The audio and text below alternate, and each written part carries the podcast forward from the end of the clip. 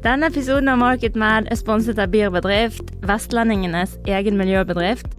De leverer avfallsløsninger til næringslivet og containerutleie.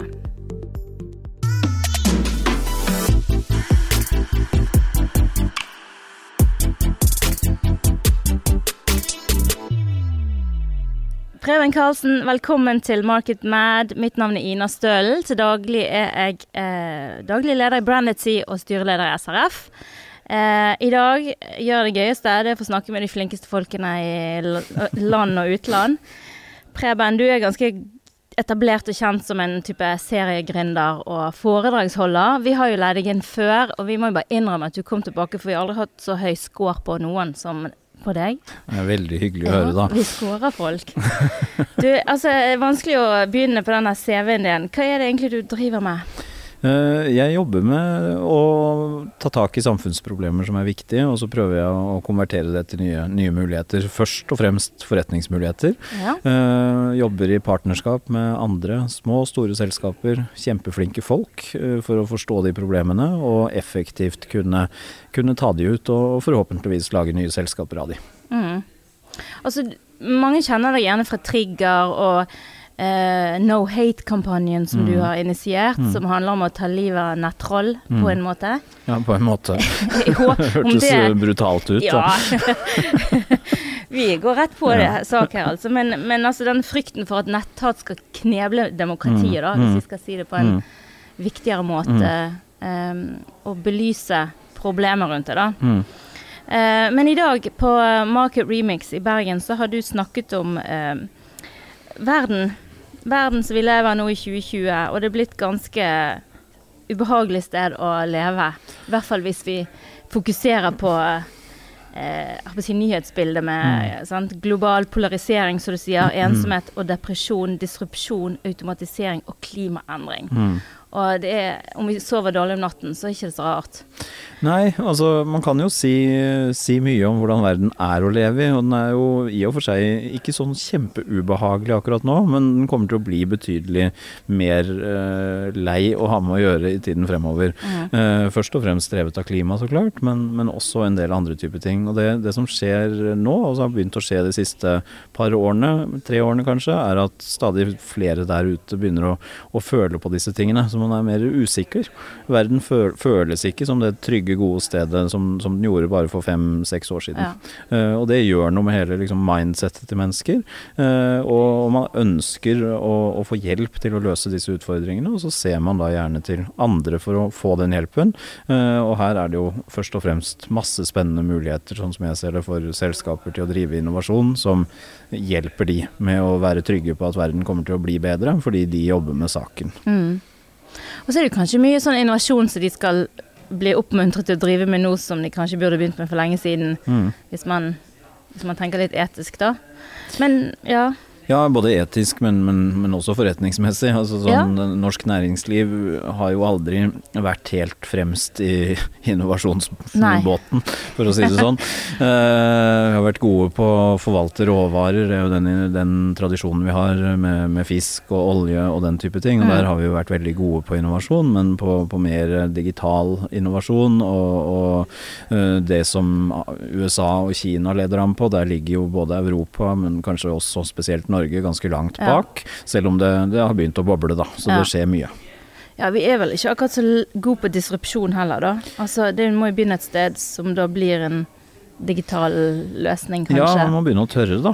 Ja. Eh, og eksperimentere. Og det er kanskje ikke helt sånn nærliggende for uh, norske folkesjela. Vi, vi, liker jo godt å vite hva vi holder på med. Ja. Vi er glad i å mestre og, og være i kjent farvann. Ja. Uh, og, og, det å tørre å hoppe ut på utsiden av komfortsonen sin og begynne å, å, å ydmykt tilnærme seg ting man ikke har gjort før, for å lære å utvikle seg, er kanskje ikke det som kjennetegner Ola Dunk aller mest. Mm. Men uh, der har vi litt å gå på, og det, det skjer heldigvis en del, da.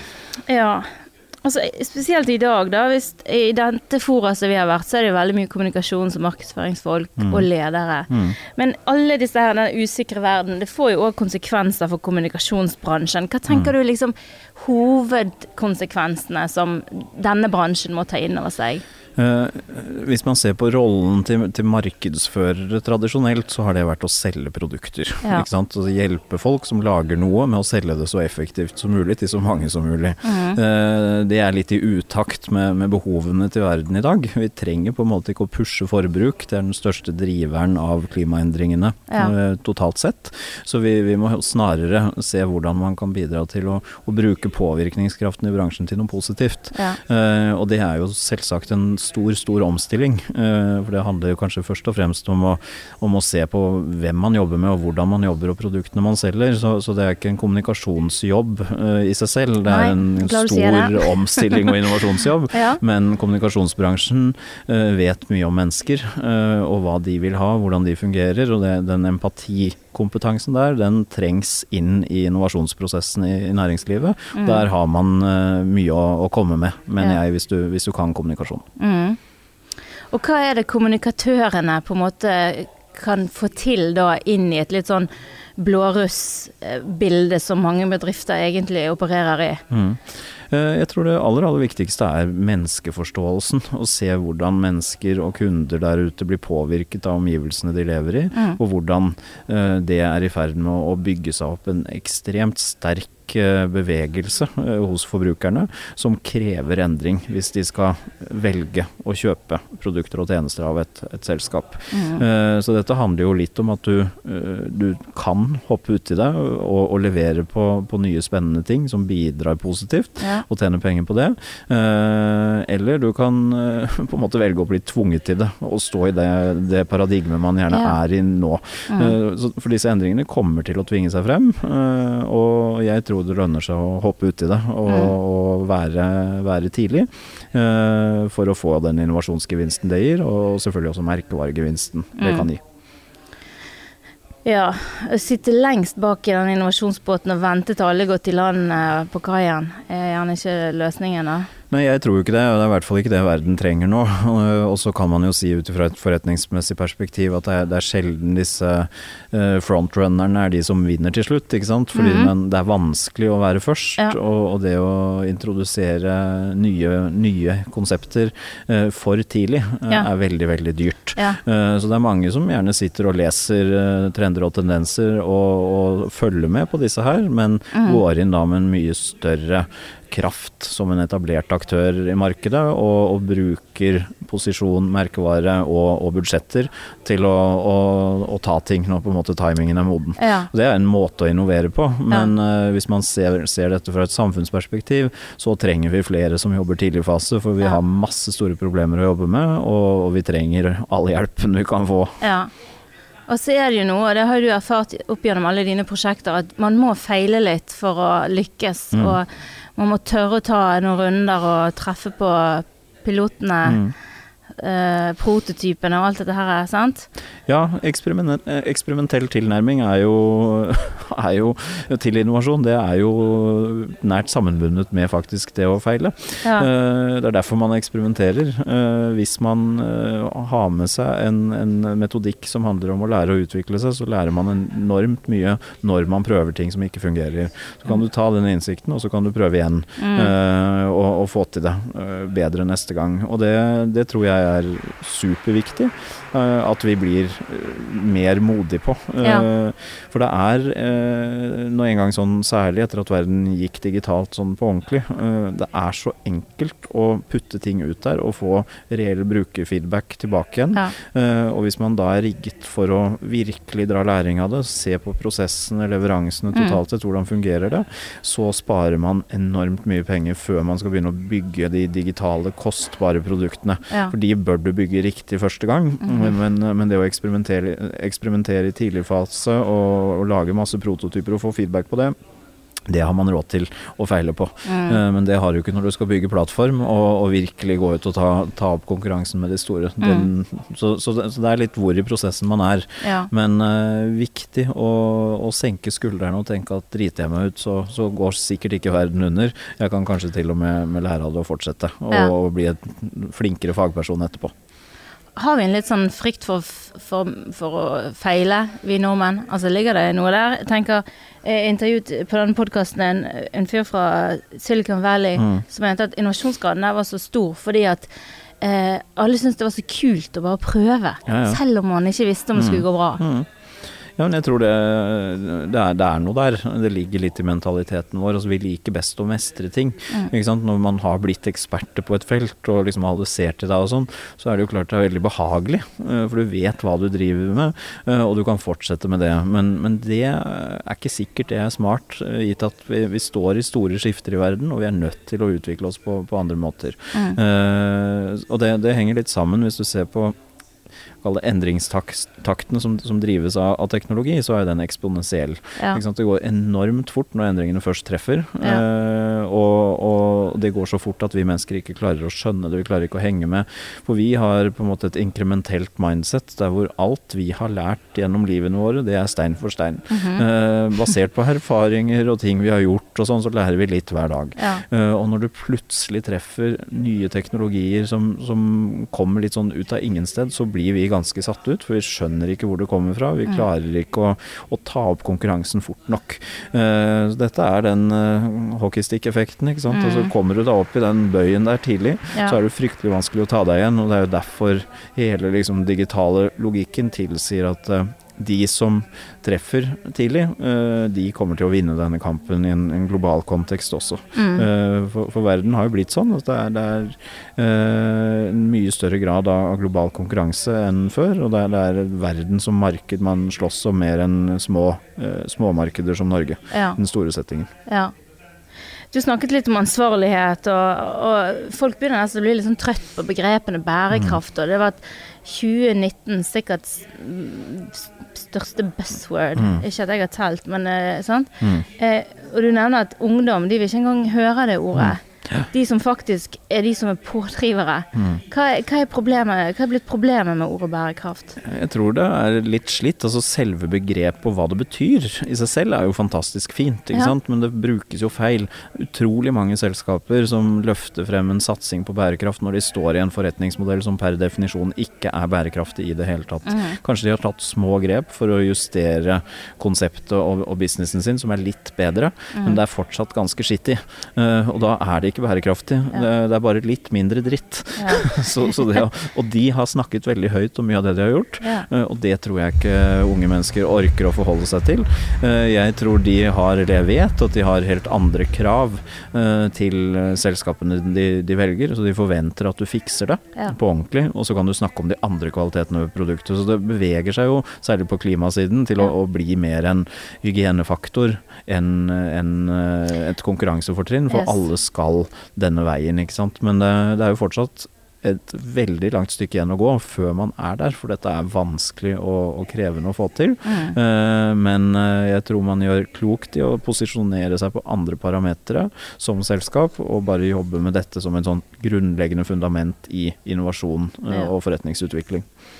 Ja, fordi at det blir Altså, vi, vi er ferdig med selvskrytingen og den greenwashing, er ikke vi det? Verden har ikke tid til det, det der Nei, vi har jo ikke tid til det, men jeg er jo redd at uh, vi slett ikke er ferdig med, med det. Altså, det kommer mm. til å komme masse uh, saker på disse tingene her. Jeg syns det var interessant, det var vel i, i høst hvor, uh, hvor, Forbrukerrådet for første gang var ute og, og, begynte å arrestere selskaper som brukte begrepet, bl.a. HM, som har en såkalt conscious collection, som de ja. sier er bærekraftig. Det er fast fashion, det er per definisjon definisjon noe av det minst bærekraftige som fins. Ja. Uh, de fikk jo ikke lov til å bruke begrepet lenger. Mm. Så man begynner å se at uh, også myndighetene er i ferd med å stramme grepet litt. Og ja. det, det, hjelper jo på i forhold til å få en, en sunnere debatt om det. For det, det, det dumme, da, syns jeg, er at vi må erkjenne vanskelighetsgraden i dette. Det er kjempekrevende mm. å levere en bærekraftig forretningsmodell på klima, på det sosiale, for enkeltmennesker og for eiere. Du skal tjene penger, eller du skal levere lønnsomhet på alle disse områdene. Uh, og det å, å, nyansert kunne diskutere det, mm. uh, og, og, åpent si at vi er ikke så gode på klima, men vi er kjempegode på det sosiale her. Mm. Har det en verdi? Åpenbart. Og så må man jo bare jobbe med å bli bedre på klima. For det er ja. ingen som leverer bra på, på alle områder. Ja. Uh, og da må man tørre å ha en nyansert uh, diskusjon om det. Uh, for det er sånn man lærer å komme fremover. Men nå er det jo ganske preget av en form for eh, hva skal man si eh, ekkokammereffekt, mm. hvor de som er for, sitter i, i, sitt eh, ene ekkokammer, og de som er mot i det andre, og så dunker de hverandre i huet med en slegge, og så blir vi dummere og dummere for hver dag som går. Og det er i hvert fall ikke hensiktsmessig. Men hvor skal man begynne, da, for å rigge seg for Jeg skal ikke si fremtiden, for det er nåtiden. Mm. Altså, hva tenker du, hvis vi skal være litt konkret, Mm.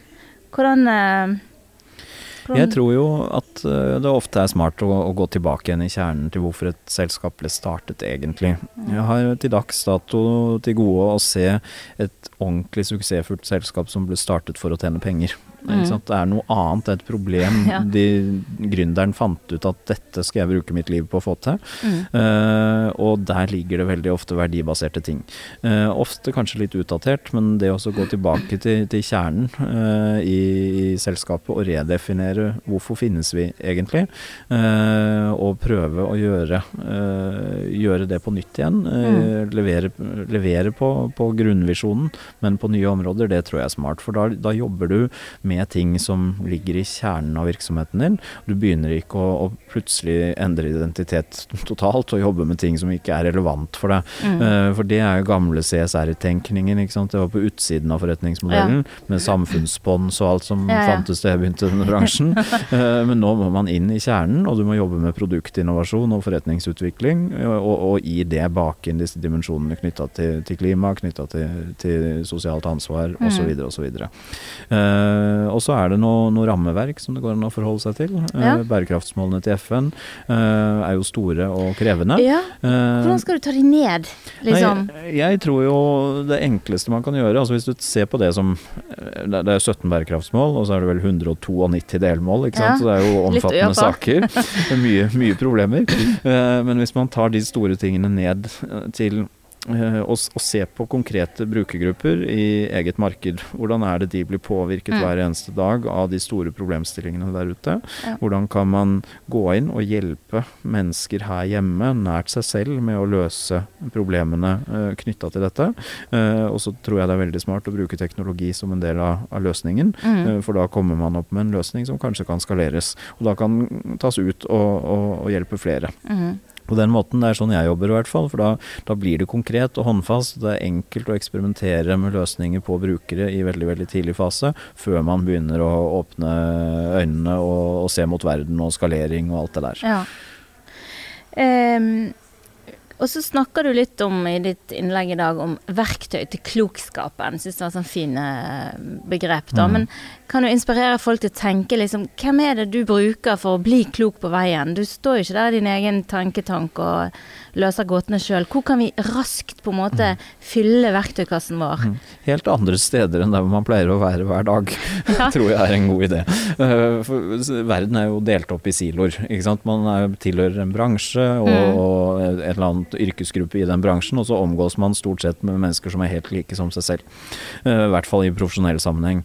Eh, Hvis man hopper ut av de, de siloene og begynner å oppsøke mennesker som kan helt andre ting enn enn det du jobber med, så får du helt andre perspektiver på de samme problemene. Ja. Men det er viktig at man deler eh, engasjementet knytta til problemstillingen. Sånn Mhm. at man har lyst til å løse det samme problemet. Og så kan du sette sammen matematikere, filosofer, musikere, idrettsfolk, Ja. kommunikasjonsfolk, hva, hva enn være, eh, og, og snakke rundt disse problemene. Da får man belyst det fra så forskjellige vinkler så fort at man blir veldig raskt klok, da, Mhm. er min, min erfaring. Dessuten er det personlig veldig utviklende og kjempegøy å, å holde på med. Så det, det å jobbe tverrfaglig i problemløsning, det er å anbefale. Ja. Um, dette med overforbruk.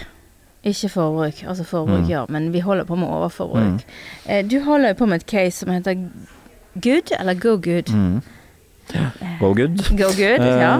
Uh, og eh, hvis du For jeg tenker her har vi et sånn eh, ekte eksempel på hvordan man jobber mm. Mm. si, egentlig opp mot bærekraftsmålet, men å skape en, en samfunnsinnovasjon, Mm. egentlig, Mm. som passer inn i den verden vi lever i. Mm. Altså, du skal ikke redde plasten i Det indiske hav, du skal gjøre noe for folk her hjemme Mm. så, som alle lider av overforbruk, Mm. kan vel si. Kan Mm. du fortelle litt om hvordan du har kommet, eh, kommet til det konseptet. Mm.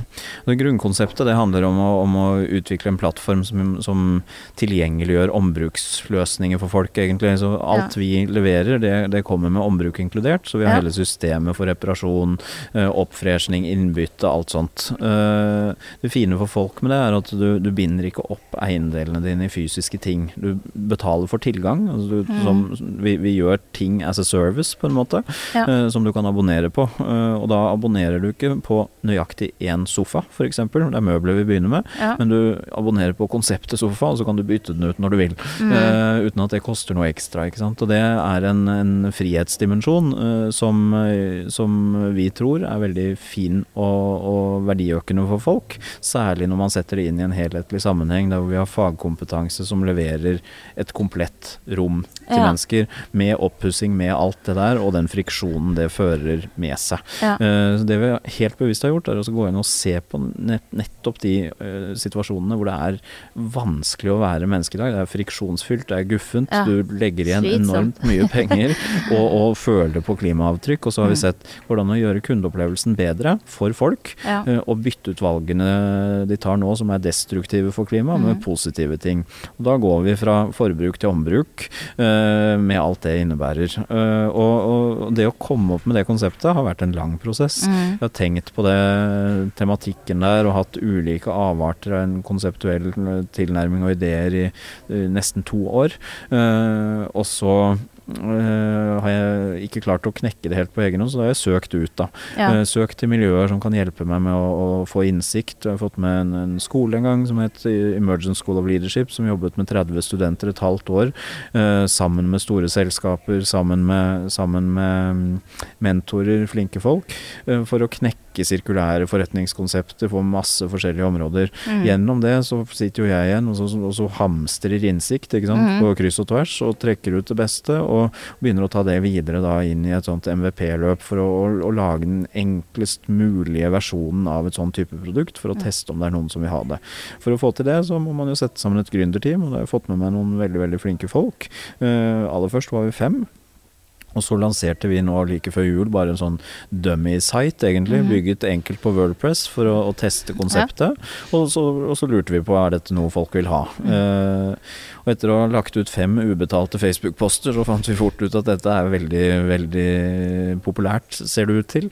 Uh, og vi fikk uh, kunder som, som, ville bruke produktene og sånn, og da, da, hadde vi nok til å begynne å mm. øve på hele liksom, back-end-prosessen, leveranseflyten, logistikk logistikken, reparasjonsløpet, alt det der som er ganske krevende. Ja. Uh, og i parallell med det så ser vi da at dette her er enormt potensial for å effektivisere opp gjennom bruk av teknologi. Vi er nødt til å lage smarte løsninger som hjelper folk med å få uh, de produktene de vil. Uh, ja. Så da har vi koblet på et, et team som, som, kommer fra et uh, tech-selskap som heter Pioner, og er fantastisk gode på å, å, bygge markedsplasser. De har jobbet med globale markedsplasser i, i mange sammenhenger tidligere, ja. og de jobber jobber nå med, med, med å, å, bygge det digitale produktet. Og ref det jeg snakket om i stad, her har vi jobbet da eksperimentelt og billig i omtrent flere år. ikke sant, mm. Og iterert på og iterert på, så har vi funnet noe som funker. Og så går vi til, til sengs med et miljø som virkelig kan bygge et digitalt produkt. Ja. Det koster en helt annen uh, pengesum, så der må man på med investorer og hele det løpet. Ja. Uh, og, og, men der er vi nå, da. Så nå skal vi i gang med det og virkelig bygge dette stort. Ja. Og så er planen etter hvert, når vi har gjort good furniture, at vi skal gjøre good fashion, good sport, good electronics osv. osv. Sammen med andre. Så det er veldig spennende. Veldig spennende. Og så bare for å forklare igjen. Det betyr da at jeg som forbruker eller ombruker mm. blir jeg, da. Ja. Mye bedre. um, abonnerer da på, mm. på Good. Ja. Som gjør at hvis jeg abonnerer på møbler til mm. mitt kontor, så mm. kan jeg bytte ut når jeg vil, ja. og finne noe annet etter behov, og bare Nei, så utvikler vi oss i takt med behovene. ikke sant? Sånn at uh, Hvis du tenker en arbeidsplass som vokser, uh, så har jeg i hvert fall vært med på det selv som gründer. Uh, Bytt ut pult, da. Og, ja, og det har kostet med halvannen million av sårt oppsparte midler å ja. gjøre oppussing, investeringer i nye mm. møbler og sånn. Grusomt kjip kostnad å ta. Mm. Eh, og det å heller da kunne betale en fast sum hver måned, eh, samtidig som man har frihet til å oppgradere etter hvert som selskapet utvikler seg, det gir en helt annen fleksibilitet, og det frigjør likvide midler på Ja. en utrolig god måte. Ja. Eh, så det er den fleksibiliteten der som vi tror er kjempeinteressant i denne settingen. Det er en sånn sweet spot der, tenker jeg òg. Det der å Og gjerne for de som er i vekstfase, eller de som er nye, eller det der å kommentere seg til å bruke halve lommeboken på møbler. Nei, det er ganske Det er vondt. Jeg husker da jeg startet Trigger og, og hadde holdt på halvannet år. Og da var jeg endelig på tide å kunne sove godt hele natta fordi jeg ikke var bekymra for om, om jeg hadde penger nok på banken til å betale ut ansattes lønn neste måned. Ikke Ja. Og så, så plutselig så må du bruke halvannen million på, på innredning. Ja. Det føles ikke helt, helt riktig. Nei, og vi er jo gode på det i Norge, da. Hvor mye Ja. bruker vi på eh, oppussing og innredning? Vi er verdensmestere, Ja. så vi bruker 80 milliarder i året øh, på privaten. Mhm. På privaten, ja. Eh, Ja. Og av de 80 milliardene så eh, er det noe sånt som eh, 35 av de som bare handler om fasade. Mm. Så det løfter ikke bygningsstandard eller noen ting, det er bare sminke. Fordi Ja. vi vil ha det annerledes. Mm. Eh, Så vi har ganske mye å gå på i forhold til å, tenke bærekraft inn, inn i den biten. Mm. Men eh, for vår del så handler det eh, hovedgrepet eh, om å levere en fantastisk kundeopplevelse med en fagkompetanse som gjør at du får det finere enn du hadde klart på egen hånd, fordi Mm. vi skjønner deg, vi kjenner stilen din, Ja. og så installerer vi det uten Ja. at du trenger å tenke på liksom Ja, håndverk, får sånn dialoger hjelp, og alt det der. stylinghjelp og sånn? Ja, det er en del av det. Ja, ok, Eh, veldig inspirert av, av Stitch Fix, som er en eh, kjempesuksess i USA på mote. Ja. eh, hvor man kan abonnere på, på sine garderober uh, ut ifra en del type spørsmål man har svart på sånn. Etter hvert som du bruker det, eh, så kjenner den deg bedre og bedre. Så du vet ikke hva slags produkter du får når du får en sånn kasse levert på døra. Ja. Eh, men, Kleskasse. eh, ja, du får en kleskasse med klær som, eh, som da eh, åpenbart treffer veldig, veldig godt. Eh, de har gått ned, mente jeg å høre, fra en returandel på 50% til en returandel på 5 Oi. Som er ekstremt lavt, og det er fordi at algoritmene deres eh, funker så bra at de, de, de vet hva du liker bedre enn deg selv omtrent. Mhm. Og da er det jo deilig da for mange å slippe å tenke på, på hele garderobeutfordringen. Ikke Ja. sant? Men de har jo ikke noe ombrukskonsept, det er bare push av Og av er det nye, nye ting. ting som Ja, kommer? nye oh, ja. ting hver gang. Mhm. Mens eh, i vårt konsept så handler det om å, å levere et, eh, et livsløp per produkt som er så langt som overhodet mulig. Ja. Eh, det kan hende vi kommer til å ta inn nye produkter også, men Mm. da skal vi sørge for at det produktet vi tar inn er designet opp på en måte som er laget for et langt liv, at det kan repareres og at det kan vare kjempelenge. Da. Ja. Har dere et kvalitetskrav da på det som går inn i Ja.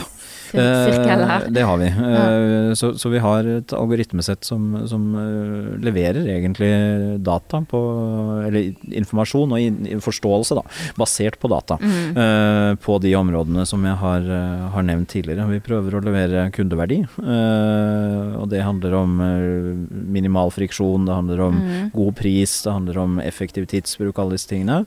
Og så skal vi levere samfunnsverdi. Eh, er det muligheter i dette konseptet vårt for å inkludere mennesker som ikke passer inn så godt i arbeidslivet i dag? Mm. Nye manuelle arbeidsoppgaver, snakke med Frelsesarmeen, den type aktører for å, å hjelpe mennesker ut av rus og inn i arbeidslivet. arbeidslivet, sånne type ting. Det er pluss på sosiale, på sosiale regnestykket. Ja. Eh, og så er det selvfølgelig bærekraft, og da tar vi utgangspunkt i eh, hele livssyklusen til et, et produkt, eh, Mm. hvor vi ser på CO2-regnskapet. Eh, vi har ennå ikke klart å komme opp med et konsept som handler om biomangfold, og, og, og hvordan produksjon av ting påvirker artsmangfold i naturen Mm. og, og den type ting. Eh, det er ekstremt sammensatt og vanskelig, men, men vi skal prøve å få til det òg. Og så er det selvfølgelig lønnsomhet, da, for egen del. Vi må tjene penger, hvis ikke så Ja. har vi ikke livets rett. Altså Hvis du skal ha verksted og eh, distribusjon Mm. og hele Mm. apparatet, så må du jo eh, gå rundt, bokstavelig Ja, det må det. Og det men, altså, vi, vi bygger jo primært teknologien, og så lager vi systemet som gjør det Mm. effektivt for alle de aktørene som allerede jobber i denne spacen, å gjøre mer. Ja. Så vi skal ikke ansette egne produsenter av møbler, egne redesignere, egne transportører. Vi Mm. samarbeider med de som finnes, og så hjelper vi de med å effektivisere sitt, eh, sitt virke. Mm. Vi hjelper de med å selge produktene deres, vi hjelper de med å transportere produktene deres osv. Så. Ja. så vi skal jobbe sammen med dette økosystemet og gjøre det mye sterkere Ja. gjennom å etablere en digital plattform. Veldig kult. Håper dere klarer å onboarde folk til å bruke det. Det er ja, jo det håper jeg òg. Har tenkt å drive med dette ganske, ganske mange år fremover. Så det, Ja. det er definitivt ambisjonen. Både i, i Norge, men også internasjonalt. Og enn så lenge så ser det veldig, veldig bra ut. Så Mm. det er kjempeinspirerende å, å jobbe med, og føles helt riktig. Mm. Det blir spennende å følge, altså. Men hvis vi sånn avslutningsvis kan fordi at du eh, har jo evner til å jobbe i sånne prosesser og utvikle ting. Men hvis du på en måte går tilbake igjen til alle disse eh, som syns det er vanskelig altså Vi har bransjer som er på verstingene, da, hvis vi Mm. snakker om fast fashion, og vi har mye sånn eh, møbelforbruk og interiørnips, og, og Mm. bare i, i dette som klassisk forbruksvare, da. Mm, mm. Som rådgiver, hva ville du, hva ville du sagt til kles, klesprodusenter, altså store eh, lavkostkjeder og sånn? Hva, hvor skal de begynne? De må Eh, gjøre noe. ja, Selv om disse her eh, ungdommene som skal Mm. ha kjøttfri uke, Mm, mm. og skal ha penger til å gå på HM. Ja, ja. Ja det er Ja. som jeg, jeg sa før vi begynte her, at eh, fast fashion selger 77 av alle sine produkter til jenter under 21 år. Og det sier jo litt om fokuset, ikke sant. Ja. Det er jo ikke sunt på noe som helst vis. Mm. Uh, så de har jo, tror jeg, alt å, å vinne på å tenke annerledes. De må begynne å produsere kvalitet. Ja. Uh, og det er fullt mulig. Uh, det går an å lage jeans i dag som aldri går i stykker, hvis man legger et par dollar ekstra inn i mm. produksjonen av, av buksa. Men det er dårlig business, eh, tenker mange, fordi mm, da får jeg jo ikke solgt mange nok. Ja. De går ikke i stykker fort nok, ikke sant. Mm. Så eh, det er noe med insentivstrukturen. Hele forbruksøkonomien eh, belønner jo de som lager produkter som er dårlige nok, Mhm. men akkurat gode nok til å holde ut garantiperioden, og så Ja. gå i stykker så fort som mulig, for da får man solgt mer. Det er på en måte premisset for hvordan flesteparten driver business i dag, Mm. og det må vi bort fra. Vi må Mm. ta tilbake stoltheten i å lage et godt produkt som varer så lenge som mulig. Mm. Og så åpner jo heldigvis eh, ny teknologi for forretningsmodellene som muliggjør det, nettopp knytta til abonnement eh, og, og tjenestebaserte konsepter, mer enn kjøp av enkeltprodukter. Ja. Eh, For så fort du kommer over i den økonomien, eh, så har man muligheten til å, å etablere hele dette ombrukskonseptet. Sant? Med Mm. reparasjon, med, med den biten, fordi du tjener penger på at et produkt varer så lenge som mulig. Mm. Eh, samtidig så er det noen andre oppsider. Du får en kunderelasjon som er veldig naturlig å, å ha en dialog i. Ja. Hvilket gjør at du kan selge opp til kundene dine, Mm. istedenfor å, å måtte ut og hente de gjennom ekstremt dyre markedskampanjer hver gang. Uh, og så er det noe med dataene man får å ha den type kunderelasjon Ja. som det går an å innovere på og utvikle seg videre. Mm. Så det er mye oppside der, men for et stort selskap som er f fast i Mm. gårsdagens forretningsmodell, eh, så er det fryktelig vanskelig å, å innovere seg, seg ut av den. Mm. Så jeg, hadde jeg hatt et, et stort Warner eller et stort HM, så tror jeg nok at jeg ville ha satset helt på utsiden. Eh, Og så ville, ville jeg jobbet med å levere bedre på eksisterende forretningsmodell, og, og lagt opp til en gradvis utfasing av det til Mm. fordel for det nye. Mm. Eh, Det er ganske tøffe beslutninger å ta. Ja. Eh, De fleste tør ikke. De vil innovere det som allerede fins. Mm. Eh, Men da er man på en måte i en sånn eh, hele DNA-et i organisasjonen og alt som er satt opp med, med bonussystemer og insentivordninger, det kjemper imot. Så, så lett er det ikke. Mm. Men prøve må man. Man må prøve. Du, dette er veldig inspirerende. Samfunnsinnovasjon er dagens ord, tror jeg, for istedenfor bærekraft, eller er det like kleint? Det er litt kleint òg. Problemløsning, som Problemløsning. jeg kan holde det enkelt. Da. Vi vil jo at vi skal finne et happy place her igjen. Ja, Ja. det må vi. ja. Preben Karlsen, tusen takk for praten. Takk for at jeg fikk komme. Takk for at du hørte på denne episoden av Market Mad. For å holde deg oppdatert på kommende episoder, husk å abonnere på podkasten i din podkast-app.